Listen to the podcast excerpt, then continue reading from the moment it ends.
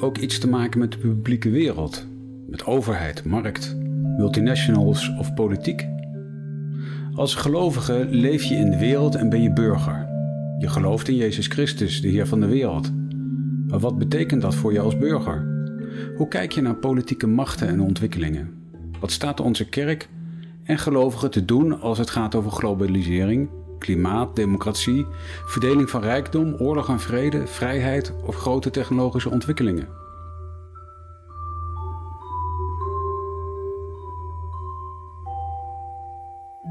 In negen verdiepingsdiensten gaan predikanten Johan Visser en Dick Wolters in op deze vragen onder het thema gelovige burgers. We zien dat de Bijbel verrassend actueel is om 21ste eeuwse burgers een weg te wijzen die zowel radicaal anders is als echt betrokken op de wereld van vandaag. Acht werkwoorden wijzen die weg: dienen, bidden, ontmaskeren, alternatief leven, spotten, getuigen, lijden en vrede stichten.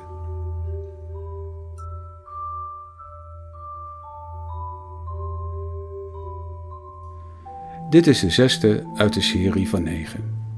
Thema is spotten. Voorganger is Johan Visser. Opgenomen op 27 maart 2022 in de Noorderkerk te Amsterdam.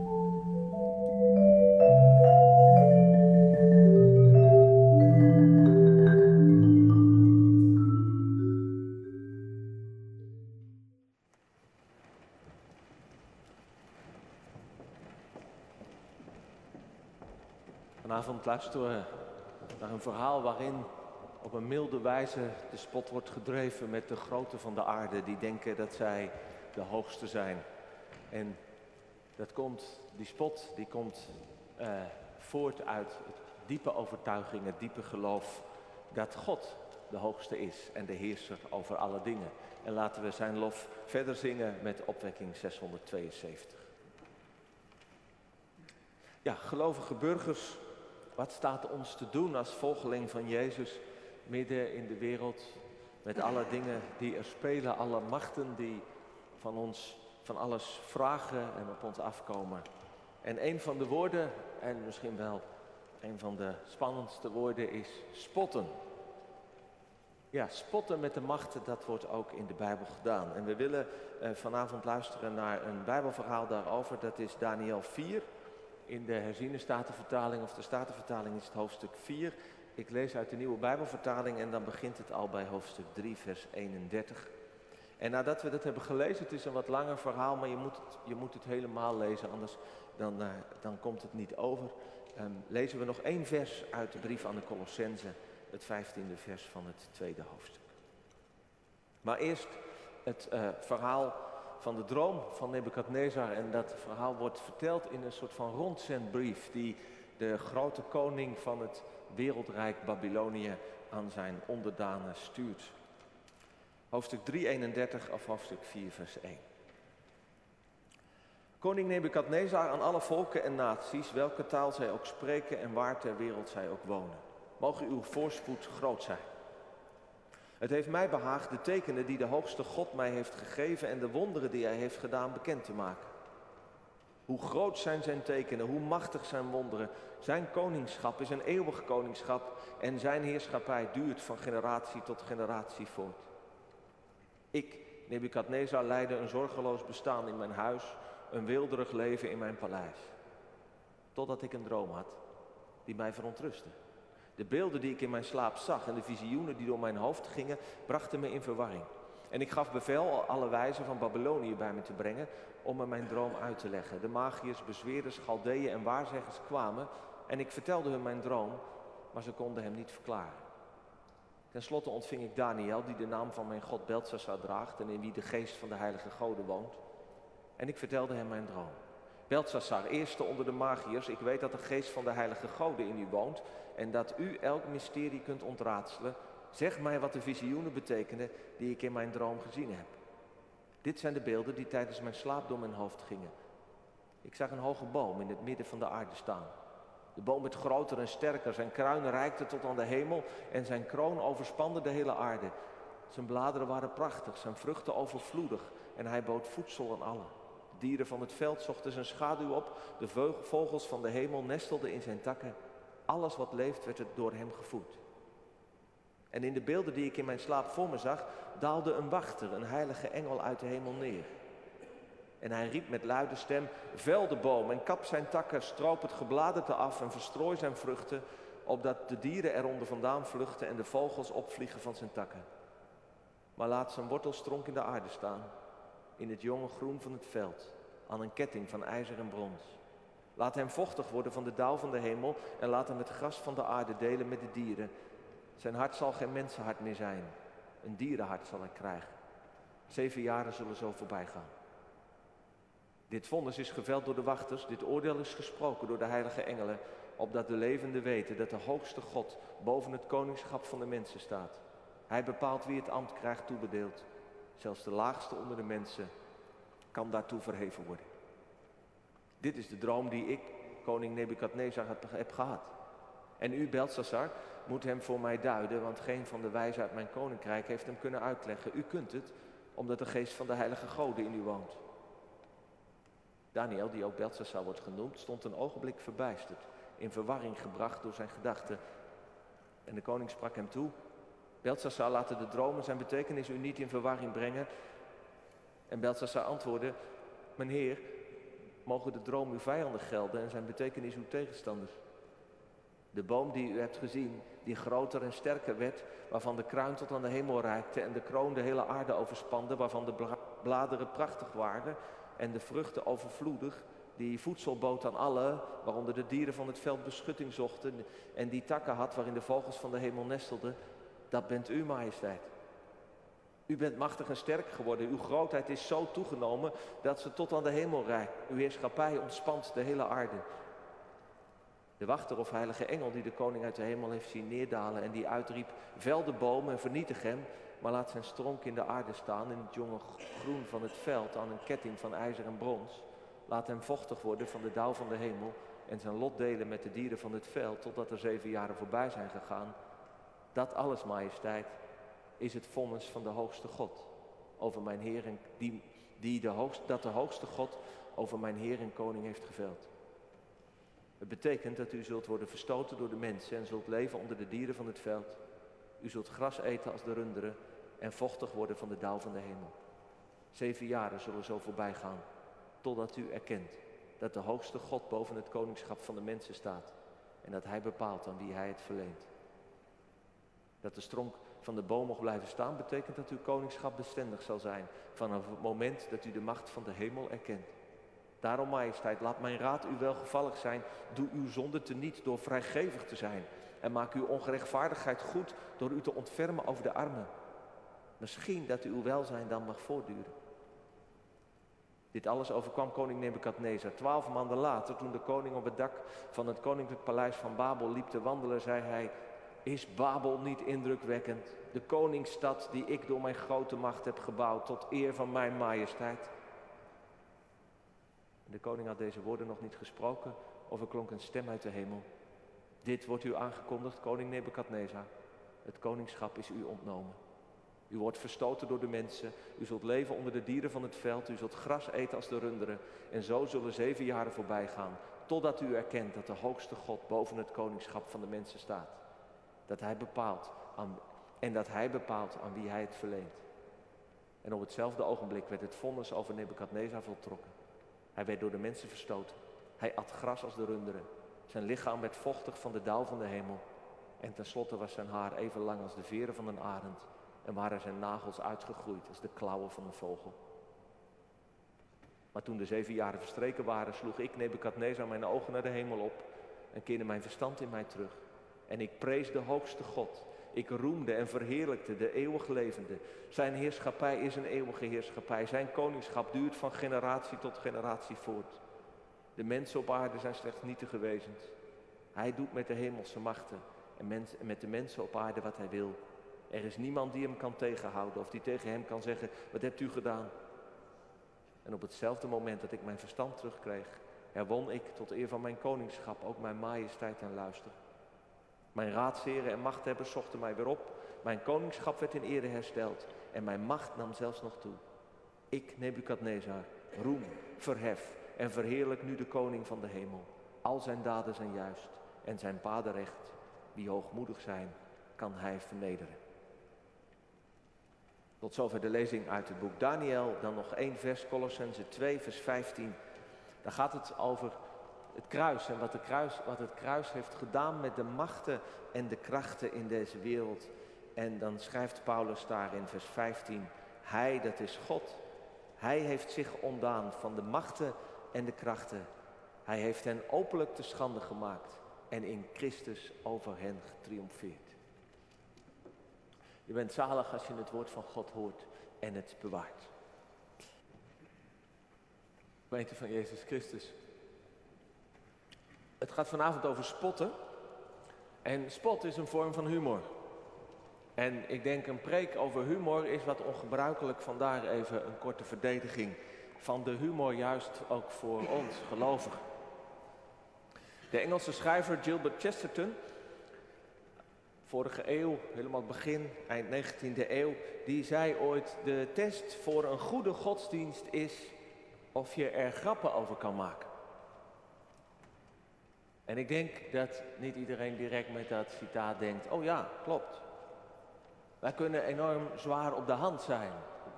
En als het over geloven gaat, wel heel ernstig ook. Beetje krampachtig en angstig in het leven staan. Waardoor we ons geloven zo serieus nemen dat er eigenlijk geen ruimte is om er een beetje afstand van te nemen. En ernaar te kijken. En als je wat afstand neemt van je geloof, ja, dan kun je er soms ook om lachen. Glimlachen. Met jezelf spotten. En volgens mij is dat een vorm van genade. Van een beetje ruimte, een beetje ademruimte. Om te voorkomen dat je stikt onder het gewicht van, van de kerk. Of van je eigen, eigen geloven. Of van de godsdienst. En misschien soms wel een beetje van God. En bovendien is humor volgens mij een van de manieren om dat wonderlijke, ondoenlijke uh, gebod van de apostel om altijd blij te zijn, om dat gewoon maar in de praktijk te brengen. Want humor, dat is toch een vorm van blijdschap. En natuurlijk, ik weet ook, er is ook, ook slechte humor. Er is vreugdeloze spot waarin we met mensen spotten om hen klein te houden of, of bespottelijk te maken. Maar ik denk, goede humor, goede spot, dat zijn genadegaven van God. En ik weet niet of jullie dat weten, maar onze charismatische broeders en zusters, die kennen in sommige gevallen het lachen in de geest als een gave van de geest. En vanmorgen hield ik deze preek ook en toen sprak iemand mij uit Pinksterkringen aan. Die zei, nou meestal deden we daar helemaal niet. Er was geen humor, dat was doodernstig dat lachen in de geest. En het is denk ik ook zo, maar ik, ik bid stiekem toch een beetje alsof dat ons die gave af en toe wat meer wordt geschonken. En ik kan me voorstellen dat je zegt, wacht even.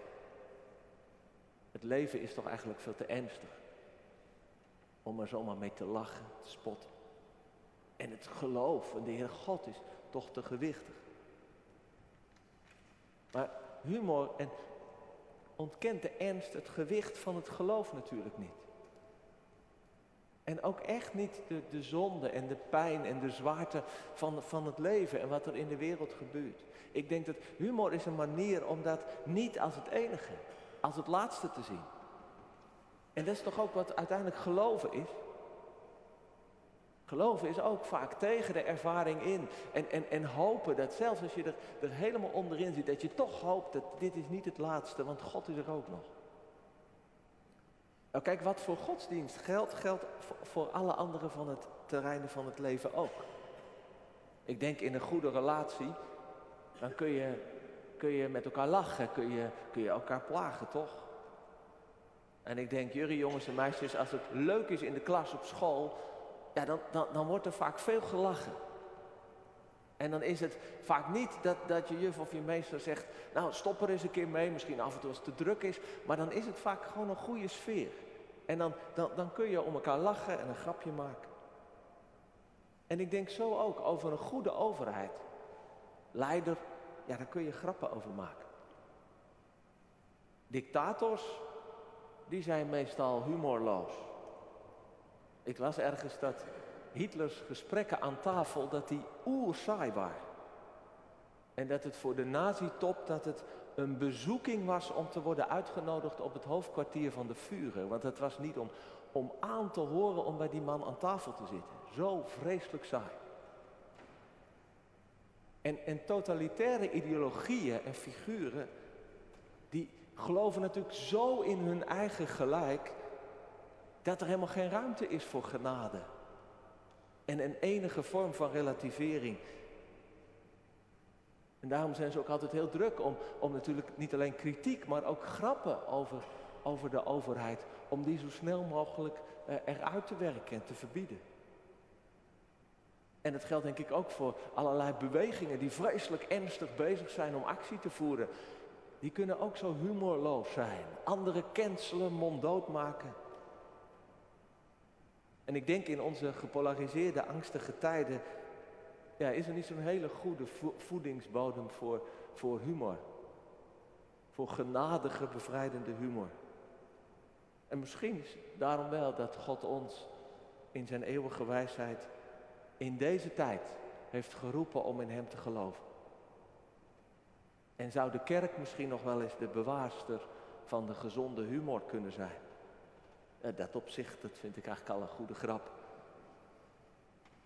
Maar dan naar Daniel. Daniel is een wat wonderlijk boek. Bij ons staat het bij de profeten, in de, in de Hebreeuwse Bijbel staat het bijna achteraan, bij de geschriften, de, de, de, de mengelingen, en dat klopt denk ik wel. Het eerste deel, dat zijn verhalen over Joodse ballingen aan het Babylonische en Perzische hof. En het tweede deel, dat zijn apocalyptische visioenen. En veel uitleggers noemen het boek Daniel verzetsliteratuur. Een boek van het verzet. Het zijn verhalen en visioenen voor een minderheid die het zwaar heeft. Die vastzit in een vreemd, gevaarlijk wereldrijk. Met machthebbers die echt gevaarlijk kunnen zijn. En ook een beetje zoekend naar hun eigen plek in, dat, in die vijandige en overweldigende wereld van, van dat Perzische of Babylonische wereldrijk. En daarbij ook nog worstelend met, met hun eigen verleden van falen en verlies. En zoekend naar een nieuw begin. En daarmee ook zoekend naar wie ze zijn, hun identiteit die ze opbouwen. En een van de belangrijke vragen van, van die minderheid, die in het boek Daniel eigenlijk de belangrijkste vraag is, is hoe gaan we nu om met die machten? Hoe moeten we nu onze plek innemen in zo'n megalomaan wereldrijk? Nou, er zijn een hele stel aan reacties mogelijk op die vraag, die we allemaal in de Bijbel tegenkomen. Er is woede. Vooral woede die zich richt op Babel. Wat heeft Babel gedaan? Heeft Jeruzalem verwoest. Heeft met verschrikkelijk geweld huis gehouden. En daarvan getuigen de oordeelsprofetieën over Babylon. Wacht maar, jullie tijd komt nog. En de wraakpsalmen. Er zijn ook de klaagliederen. Dat is ook een manier om daarmee om te gaan. De, de klaagliederen van een getraumatiseerd volk. We zien de beelden van Oekraïne. Wat een vreselijk trauma zal dat volk met zich mee moeten gaan dragen. En dat is ook wat, wat, wat Israël meedraagt. Na alles wat er is gebeurd met de, met de komst van, van Babylon en de vernietiging van hun eigen land. En er zijn ook de profetische woorden, die hebben we in deze serie al gehoord van de profeet Jeremia. Zoek het goede voor de stad. Nu je daar zit en God jullie daar heeft gebracht, zoek de vrede voor de stad. En er is ook de spot. Milde, voorzichtige spot waarmee die minderheid het volhoudt om te blijven geloven. Dat het niet het wereldrijk is dat het voor het zeggen heeft, maar God. De Heer van de hemel en de aarde. En dat hij zichzelf mega wanende wereldrijken, dat die uiteindelijk zwak en sterfelijk zijn. En dat ze allemaal zullen moeten buigen voor, voor God. Die dwars door alles heen zijn eigen goddelijke gang gaat met zijn volk en met zijn wereld. Nou, dat, dat verhaal wat we hebben gelezen, dat is een prachtig voorbeeld van die spot. Nebukadnezar, die in een rondzendbrief aan alle volken, naties en talen de lof zingt van de Allerhoogste God die hem een toontje lager heeft laten zingen. Dus hij begint eigenlijk met een, met een lofpsalm op Gods wonderen en Gods koningschap. De God die, zo zegt hij helemaal aan het einde, hen die in hoogmoed wandelen, kan vernederen, letterlijk kan neerhalen. En, en de humor die zit er denk ik in. Ik weet niet of jullie gelijk de humor pakken. Wij zijn zo gewend om de Bijbel zeer ernstig te lezen. Door gedeelte, wat gebeurt er precies en, en zo. Maar de humor zit erin. Dat je moet beseffen dat hier de grootste koning van die tijd. Dus zeg maar even Joe Biden of Xi Jinping of Vladimir Poetin. Dat we die horen zingen uitbundig van de grootheid van God. En dan niet omdat die God hem heeft verhoogd en hem heeft gezegend en een groot rijk heeft gegeven. Maar omdat die God hem een gevoelig lesje heeft geleerd.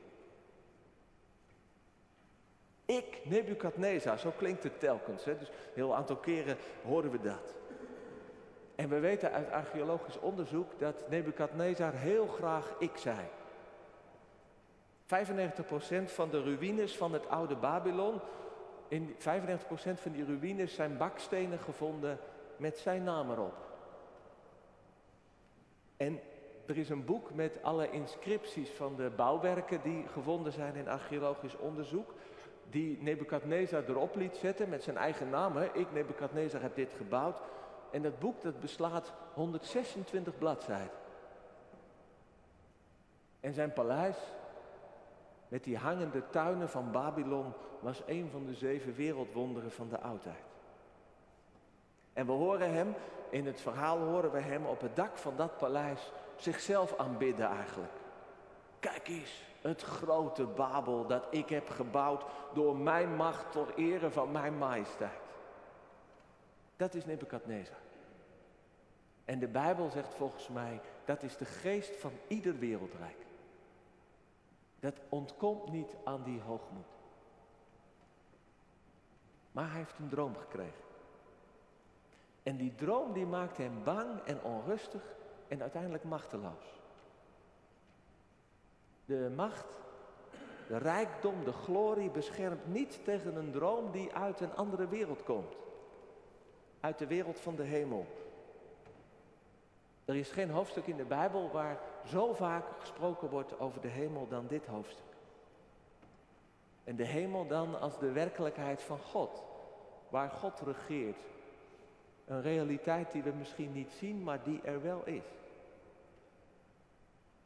Dus de hemel die komt door alle grootheid en hoogmoed en bouwwerken neer, heen met een droom. En op het eerste gezicht is het een prachtige droom. Een soort van mythische boom ziet Nebukadnezar die tot aan de hemel reikt. En die de hele aarde zegent met voedsel en schaduw en leven. Maar dan daalt er een wachter neer, opnieuw uit de hemel, een engel. Met de boodschap dat die boom moet worden omgehouden. En met alleen nog maar de, de stronk van de boom in een ijzeren klem in het gras van de aarde en dan wisselt het droombeeld, en dat herkennen we wel als jij je dromen uh, onthoudt. Dat kan soms in één keer een ander beeld zijn. Dat is hier ook. De boom wordt een mens en dat is een mens die zich als een dier gaat gedragen. En de hele bende van magiërs en, en toekomstvoorspellers en dromenduiders, die konden de droom niet uitleggen, zegt Nebukadnezar. Ja, maak dat de, maak dat de kat maar wijs. Er is er natuurlijk geen een die durft te zeggen wat een kind zelfs kan begrijpen. U, grote koning, u bent natuurlijk die boom. En dat betekent ook dat u zal worden neergehaald. Maar dat durven ze niet te zeggen. Hoe goddelijker en groter en breder een leider, hoe minder mensen hem of haar de waarheid durven te zeggen.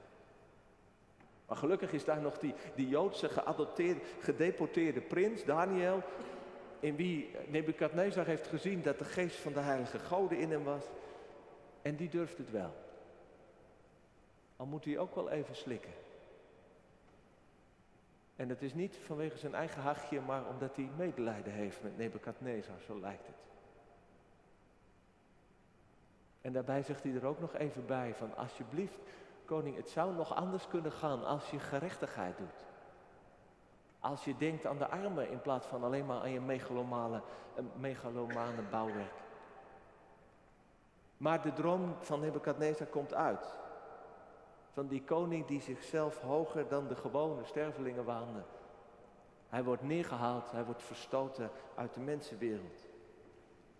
Hij denkt dat hij een dier is, een koe. En hij leeft een tijd als een dier onder de blote hemel, gras etend, met de dauw op zijn almaar groeiende haar en nagels. Zo spot het verhaal dus met de grootheid van de koning die een koe werd.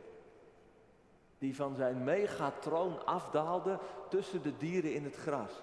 En pas toen hij zijn ogen weer opsloeg naar de hemel, zijn verstand en zijn troon weer terugkreeg. En dat vind ik eigenlijk ook wel mooi in dit verhaal. Dit is, dit is best milde, milde spot. Er wordt niet definitief afgerekend met Nebukadnezar. God is hem genadig. Het loopt toch nog goed af met de koning die dacht dat hij een koe was. En die uiteindelijk toch nog een, een tikje nederiger op zijn troon is, is komen te zitten. En ik denk dat wij, wij als lezers, als hoorders van dit Bijbelverhaal, dat wij zo de grootheid en de hoogmoed en soms de waanzin van de machthebbers een beetje kunnen relativeren. Dat we ermee kunnen spotten, wat om kunnen lachen. En dat is denk ik vooral belangrijk als we ons laten imponeren door die macht. Zoals denk ik de Joodse ballingen dat waren. Geïmponeerd zowel door de goden van Babel als ook door de, de koningen en de machthebbers. En uiteindelijk proberen alle machten dat volgens mij. Met propaganda, soms met geweld en ook heel graag met religieuze steun proberen ons te imponeren. Maar God in de hemel, die lacht. Die spot. En wij, zijn kinderen, we mogen met hem meelachen. En ik denk dat wij, dat wij, God zij dank, dat wij dankbaar mogen zijn dat wij niet onder een totalitair regime leven. Maar wij worden natuurlijk ook wel geïmponeerd door de machten van onze cultuur. De wetenschap, de technologie. Soms, zeker in, de, in, als het spannend wordt, de natie, de markt, de vrijheid van ons Westen als het aller, allerhoogste goed. Dat zijn machten die zeggen, wij, wij brengen jullie vrede. Wij zijn, wij zijn een garantie op geluk en welvaart. En wij mogen daarom ook jullie offers vragen en gehoorzaamheid en geloof. En die machten die zijn natuurlijk niet, niet per se slecht of duivels. Zoals Nebukadnezars rijk, hoe gewelddadig ook, niet alleen maar ellende was. Maar ze zijn God niet. En ze brengen het paradijs niet op aarde. En ze zullen ons niet redden. Onze ziel niet, maar uiteindelijk ook ons lichaam niet. Dus dat is denk ik wel een belangrijke boodschap. Laat je niet imponeren. Ook niet door onze cultuur en de waarde van onze westerse cultuur. Wees kritisch. En laat de hemel de propaganda en de grote woorden doorprikken. En soms ook omverhalen. En het liefst met een beetje humor. En ik zat te denken, hoe zou je nu dit Bijbelverhaal van Nebuchadnezzar, hoe zou je dat vandaag op die manier kunnen, kunnen zien? Nou ja, misschien dat Elon Musk, dat hij een droom krijgt, dat hij een, een tijdje op een roestig kinderfietsje door zijn tuin krost. Omdat al zijn megalomane plannen om de wereld te redden, dat die hem even te veel zijn geworden. Of, of de hele Tweede Kamer die drie maanden lang, net als, als Zacharias in de tempel, met stomheid geslagen is. Gewoon even drie maanden lang niks te zeggen. Of het WK voetbal. Dat begint dat al die miljonairs, die achter, voordat ze achter de bal aan gaan rennen, dat ze, dat ze besluiten om de helft van hun salaris aan de arbeiders die die stadions hebben gebouwd weg te geven. En dat ze daarna uit volle bos Psalm 150 gaan zingen. Of, of de CEO van Ahold, die opeens besluit om iets heel vreemds te gaan doen. Allemaal nieuwe filialen te gaan openen in vluchtelingenkampen over de wereld. Of, en dat is wat pijnlijker, patriarch Kirill en president Poetin, die voor de rest van hun leven door de straten van het kapotgeschoten Mariupol dwalen. Met tranen in hun ogen het Jezusgebed biddend. Heer Jezus Christus, Zoon van God, ontferm u over mij zondaar. En het lijkt misschien allemaal zwak. En het kan misschien wel zijn dat u, dat, dat jij zegt, ja, is dit geen goedkoop spelletje? En het is misschien ook wel zo. Het wordt er wel gezegd, de humor dat is het wapen van de zwakken. Het is het enige wat de verliezers, wat de onmachtigen in de wereld nog kunnen inzetten en wat niemand van ze kan afnemen. Tot in de vernietigingskampen toe kon je een grap maken. En dat konden ze niet van je afnemen. Maar het is veel meer dan een spelletje en dan is het goed te beseffen dat God juist met zwakke het sterke en het hoge vernedert. En dat die droom van Nebukadnezar, dat die werkelijkheid is geworden. We weten niet precies hoe dat historisch zit, maar er zijn een aantal, aanwijzingen dat er met die Babylonische koningen zoiets gebeurd is.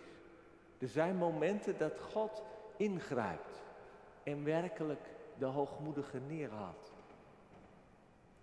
En God heeft dat het meest gedaan, midden in de wereld, toen Hij zelf is gekomen in Jezus.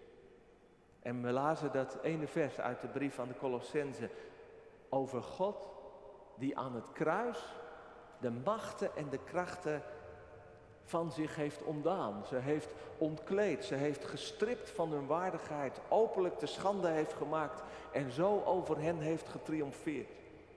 Nou, ik zou over dat gedeelte zou ik een hele preek kunnen houden, over wat die overheden en machten betekenen en over wat, wat, precies dan de betekenis van het kruis daar is.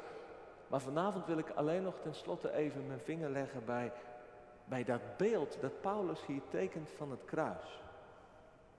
Van de dood van Christus.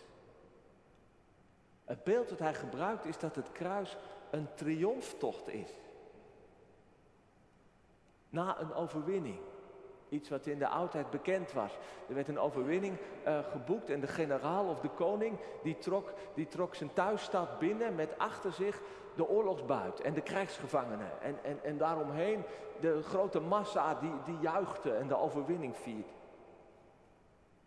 En Paulus die schrijft dat God dat aan het kruis heeft gedaan. Kijk, dit is een verrassende omkering. En daarmee zou je kunnen zeggen, is dat ook iets van humor. Want het kruis was natuurlijk helemaal geen overwinning. Ja, dit was de overwinning van Rome. Van de Romeinse macht die daarmee liet zien wie de baas was. En die een veroordeelde op een onmenselijke manier martelde. Maar tegelijk ook die veroordeelde publiekelijk te schande maakte. Door, door daar naakt aan een kruis te laten lijden terwijl iedereen dat kon zien. Vandaar dat ze ook dat bordje boven Jezus hoofd hadden gehangen. De koning van de Joden. Kijk maar goed, dat doen wij met jullie koning Joden. Maar Paulus die durfde dus om te draaien. God heeft aan het kruis de machten en de krachten gestript. Hij heeft ze te kijk gezet. Hij heeft hun ware aard laten zien en ook hun nederlaag. En zo heeft hij over ze getriomfeerd. Wat een heel vernederend verlies leek voor God. Een schandelijke dood, een teken van zwakte en onmacht. Namelijk dat zijn zoon eindigde in de handen van de machten. Dat waren de politieke machten, de, de religieuze machten van de tempel. Dat waren ook de spirituele machten die, die er overal in de wereld uh, zijn. En ze deden wat ze met hem wilden. Bespotten, kapot maken, eruit werken. En dat was hun triomf. Maar God draaide het om. Het bleek hun, hun nederlaag. Het werd zichtbaar hoe kwaad ze waren. Maar ook hun onmacht werd duidelijk. Ze konden niet tegen de kracht van Gods liefde op. Ze begrepen niet dat ze hadden meegewerkt in het Godsplan waarin Hij zelf in, midden in de wereld een offer bracht. Waardoor de macht van het kwaad werd gebroken en er verzoening kwam voor de hele wereld. Dat was de ware triomf die die, die, uh, die Romeinse hoofdman die erbij was en Jezus zag sterven opeens in één keer begreep. Dit is een zoon van God. Niet de keizer, die zichzelf ook de zoon van de goden noemde. Niet Nebukadnezar of welke macht dan ook. Maar deze gekruisigde is de zoon van God. En, en zo heeft God alle machten en overheden op aarde en in de hemel en in de hel definitief te kijk gezet. En sindsdien, zegt Paulus, trekt er een stoet door de wereld. Een triomftocht met, met aan het hoofd de gekruisigde. Die is opgewekt. Het lam van God met, met de wonden van de machthebbers nog, nog in, zijn, in zijn handen. En achter hem volgen alle machten en overheden. Gestript van hun waardigheid, ontwapend. En Nebukadnezar, de koning, die dacht dat hij een koe was, die loopt er ook bij. En wij, ja, wij halen opgelucht adem. We lachen. En we durven op grond van, van die triomftocht van het kruis, durven we zelfs een grap te maken. Over die machten en krachten die zo vreselijk gewichtig kunnen doen. Die denken dat zij de boom zijn die tot aan de hemel reikt. Die soms dood en verderf kunnen zaaien. Die zich ook verbeten kunnen keren tegen God en zijn gekruisigde. Omdat ze blijkbaar zo vreselijk bang zijn voor de macht die, die dat kruis en de liefde van Jezus hebben over de harten van de mensen. Waar ze natuurlijk stikjaloers op, op zijn.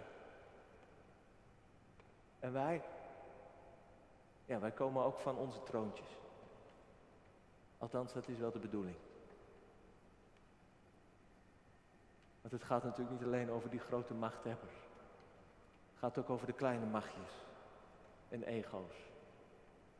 En wij komen nederig naar onze koning, de gekruisigde, en we buigen ons hoofd. Mogen wij meedoen met uw triomftocht? Wilt u ons meenemen? En hij, hij zegt alleen maar, neem je kruis op en volg mij. Met een kruis op je rug, met tranen in je ogen en met een glimlach op je gezicht. Doe je mee aan mijn triomftocht. Amen.